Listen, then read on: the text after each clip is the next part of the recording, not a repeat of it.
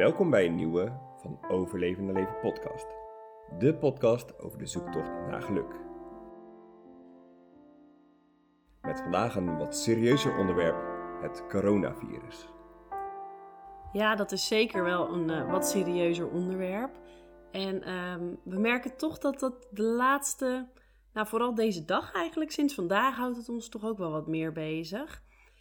Toen het allemaal net speelde, hadden we nog heel erg zoiets van, nou ja, het, het is ook maar een griepje, laten we het ook niet groter maken. Zeker toen het nog verder weg was. Nou, toen kwam het natuurlijk naar Nederland, werd het allemaal al wel iets serieuzer. Ja, en nu hoor je gewoon de eerste besmettingen hier in de buurt. Um, mensen die uiteraard overlijden. Maar vooral wat, wat maakt dat we nu wel het allemaal wat meer ja, serieus gaan nemen, is ook dat je ziet hoe de mensen erop reageren. De keuzes die gemaakt worden vanuit de regering. Waar, waarvan ik denk dat het ook ja, logisch is dat dat soort keuzes gemaakt worden. Maar dat heeft nogal wat invloed op hoe je het gaat ervaren en wat het doet ook met nou ja, de sfeer op onder andere je werk. De sfeer als je naar een restaurant gaat, als je in de supermarkt bent. En dat maakt dat wij eigenlijk een beetje zoekende zijn van oké, ehm, waar staan we in dit hele stuk? Wat moeten we nou doen? Waar doen we verstandig aan? Hoe serieus moet je het nemen? Ja, ik denk dat dat een hele goede vraag is. En jij was vandaag thuis, niet op werk, en ik was vandaag wel op werk. Mhm. En na die aangescherpte maatregelen van uh, Rutte, die hij gisteravond, donderdagavond heeft gegeven, merkte ik vandaag voor het eerst wel echt een groot verschil op werk. Iedereen was er veel mee bezig, leerkrachten, maar ook leerlingen. Uh, in de klas heb ik er best wel een tijdje met de kinderen over gesproken en ook die zijn er behoorlijk mee bezig. Uh, ouders die kinderen thuis houden omdat ze bang zijn dat de kinderen besmet worden. Ja, en ik kon echt wel merken dat de sfeer op school veel serieuzer was en dat er eigenlijk alleen maar over dit onderwerp gesproken werd. En uh, wat jij inderdaad zegt in de introductie, ik vraag dan steeds bij mezelf: oké, ben ik nou gewoon te nuchter om hier zorgen over te maken, om hier druk over te maken? Of is het iets wat, ja, wat we echt wel serieus moeten nemen? Ja, ja en ook die, die nuchterheid gaat er bij mij langzamerhand ook wel van af. Want ik merkte dat ik dat eerst best wel heel erg had. Dat ik eigenlijk helemaal niet nadacht over. Um, nou, ik gaf mensen gewoon nog een knuffel als ze jarig waren. Of ik had ook zoiets met handen geven. Nou ja, uh, maar nu begin ik te merken dat, ik, dat er bij mij een shift komt. Dus ik ben ook heel benieuwd, is dat nou angst? Is het nou juist voorzorg? Is het gewoon uh, slim doen? Of is het of slim zijn? Of is het toch ook een stukje angst wat zich verspreidt in je? Um, maar de nuchterheid gaat er bij mij langzaam af. En dat is ja. gisteravond wel begonnen toen we, nou, het, het, verhaal natuurlijk van Rutte, de aangescherpte maatregelen, maar ook we gingen uit eten met, uh, met jouw familie. En het was gewoon super rustig in dat restaurant, waar het normaal op donderdagavond gewoon vol zit. Dat is echt een heel druk ja, restaurant. Misschien maar een kwart van het restaurant. Ja, als dat het al was. En uh, ook de gesprekken binnen je familie gingen heel veel daarover. En ook dat uh, nou, sommigen al flink aan het inslaan waren om, om toch maar wat extra aardappelen, rijst, proviant te hebben, wat toch niet zo snel uh, bederft, zodat er wel wat is. Ja, echt dat preppen inderdaad. Ja, en, en toen dacht ik, oh, dat, daar, nou, daar ben ik eigenlijk nog helemaal ja. niet echt over nagedacht. Voor, voor mij was dat ook wel een momentje dat ik dacht, oké, okay, ja, Moeten wij dat dan ook gaan doen? Is dat handig om in te gaan slaan? Of is dat ja. overbodig? En ja, is dat nou gebaseerd op angst? Om, om tekort te hebben. Angst voor. Hè, angst is ook, ook niet goed, want het maakt ook dat we, dat we gekke dingen doen. Of ja. is het juist verstandig? Ik vind die balans echt een zoektocht. Ja, zeker. En ja, er is ook gewoon nog niet zo heel veel duidelijk over natuurlijk. Omdat het nog zo nieuw is en ook bij ons in het land nieuw is. Ja. Ja, weet je gewoon niet waar je goed aan doet. Nee, net zoals dat... Um, er was ook een artikel weer uh, dat er een um, onderzoek was gedaan, een, een soort steekproef in, in een ziekenhuis in Tilburg. En het bleek dat daar zo uh, 28 mensen gewoon besmet waren zonder dat ze dat wisten. Ja, dan denk ik, oké, okay, dus uh, je kan het ook gewoon bij je dragen zonder ziek te worden blijkbaar. Ja. Je kunt het wel doorgeven.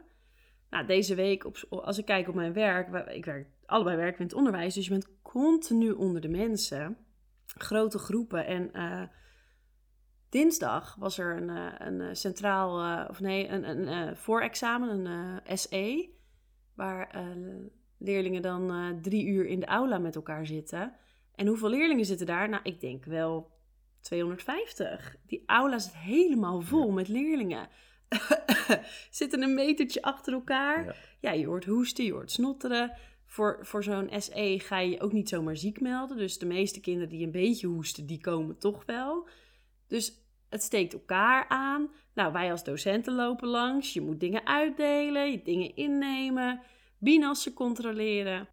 Ja, ik heb daar niet heel, heel erg over nagedacht. Behalve Nee. dat ik wel dacht, goh, laat ik mijn handen even goed wassen hierna. En ik denk ook elke keer wel eh, voor het eten, nou even extra handen wassen. Die beginnen lekker Ja, droog te worden. handen, hè, die heb ik ook. Dus dat wel. Maar ja, moet je nou extra voer gaan inslaan? nee, ja, ik, ik denk het niet. En ik denk ook dat de supermarkten gewoon open blijven en dat zij genoeg voorraad i- zullen hebben en eh, dat er genoeg, genoeg aanbod blijft. Hmm. Ehm, maar goed, hetzelfde zei ik over de scholen vorige week. Van, ja, nou, de scholen gaan echt niet dicht door. Dat is veel te grote maatregel en Mm. eh, allemaal niet nodig. En de kinderen die hebben er toch geen last van, want het is, ja, voor die doelgroep is het allemaal niet zo eh, spannend over het algemeen. Maar ja, goed, één week later is de kans dat de scholen wel dicht gaan echt wel enorm gestegen. Ja, en alleen al die mail van jouw eh, de opperdirecteur. eh, Ja. waarin die aangeeft dat, je, dat hij het begrijpt als je thuis blijft, ook al heb je geen ziekteverschijnselen. Nou, het was wel en ook ziekteverschijnselen, maar ook dat hij inderdaad, wat ik eruit heb gehaald, dat hij begrijpt als je het eh, vanwege gezondheidsrisico's Hm. liever thuis blijft. Ja, nou en ik snap het wel, want je personeel, daar moet je het gewoon mee doen. En ehm, ja, als er straks mensen echt corona hebben of zelfs eh, misschien overlijden eraan, ja, dan, dan ben je veel verder nog van huis. Dus in dat opzicht is dan ook hoe erg is dat de school dan misschien hè, twee weken stilstaat, maar daarna, ja, al weet je ook niet wat dat doet, of dat echt veel helpt, veel bijdraagt. Maar het, het zal zeker wel iets doen. Eh, Echt interessante, Ja, interessante dingen. En wat ik ook heel interessant aan vind, is hoe het ons, ja, hoe het de mindset verandert van de mensen. Ik was vanochtend in de supermarkt, nou, mega druk. Mensen met mega volle karren. Ik kwam gewoon eh, voor één tasje boodschappen. En toen dacht ik ook alweer, oké, is dit nou dom dat ik maar een paar dingen meeneem? Maar joh, alles was nog vol, dus ik dacht, nou, het gaat wel goed. Maar het verandert zo eh, hoe mensen kijken naar de wereld en dan ineens, ja, toch ook een beetje alles voor zichzelf. ja hè? precies. Dat is het dan. Iedereen gaat gewoon weer voor zijn eigen hachie. Ja, Wat aan het eind van de dag ook het belangrijkste is natuurlijk Ja. voor jezelf. zeker als je ook een gezin hebt met kindjes, ja, die wil je wel voeden. Ja, Maar vannacht had ik wel voor het eerst dat ik echt even zorgen lag te nee, je maken. lag er wel wakker van, hè? Ja, ik lag wakker en toen ging ik erover nadenken. En toen dacht ik, ja, ik ben ook zwanger. Gelukkig heeft het geen invloed op eh, eh, de ongeboren vrucht, voor zover ze nu weten. Maar toch, als mijn, ja, ik, wil, ik wil fit en gezond blijven om het kindje zo goed mogelijk fit en gezond eh, te laten groeien. Dus ik, ik voel, het, daardoor merk ik wel dat, het me meer, ehm, dat ik me er wel iets meer druk over maak. Omdat ik de verantwoordelijkheid nu heb over twee ehm, fysieke lichamen in plaats van Ja. één. Zo voelt het wel. En ook dat ik denk, ja, wat moet je nou... Nou, ik, ik me er gewoon wel een beetje over zorgen te maken. Ja, het is ook wel interessant dat als er dus één zo'n ding gebeurt, hoeveel impact dat op elkaar heeft. Dus alles staat natuurlijk met elkaar in verbinding.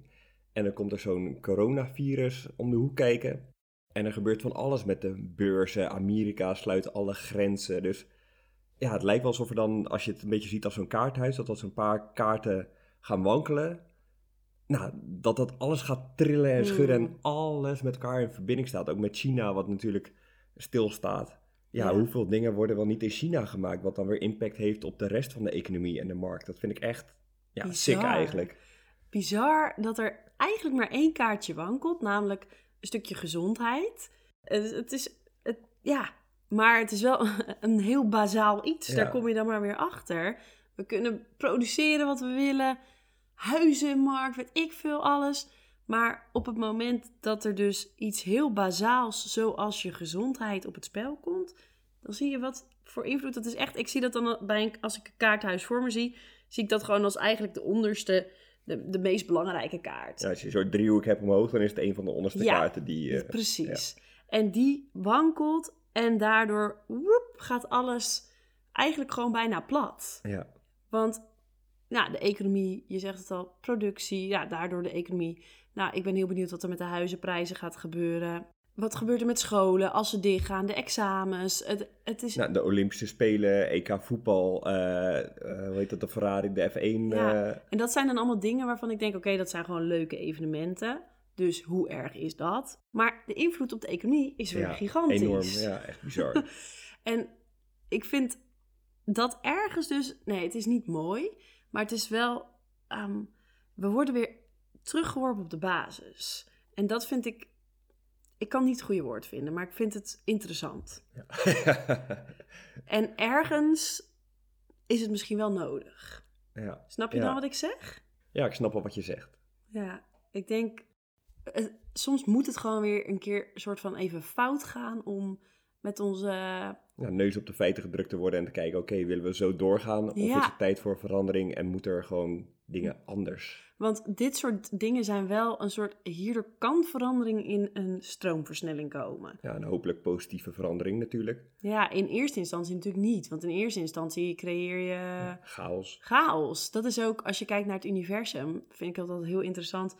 Op het moment dat er, ehm, nou ja, als je kijkt naar de oerknal, er is eerst enorm veel chaos geweest na de oerknal, voordat de aarde werd zoals die nu is. Dat is eerst een grote chaos geweest. En het universum werkt, dat is een, een van de natuurwetten, dat er eerst chaos moet zijn voordat er weer een nieuwe balans ontstaat. Voordat er weer een nieuwe manier van nou ja, leven, organismen, al die dingen.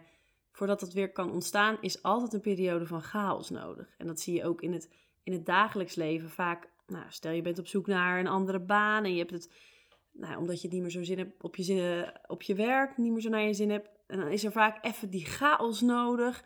Bijvoorbeeld dat je echt denkt van, nou, nu, dit is de, hierdoor hak ik echt die knoop door om iets anders te gaan doen, iets anders te gaan zoeken. Maar dat is, er gaat altijd een periode aan vooraf die niet leuk is. Die onrustig is, die chaotisch is.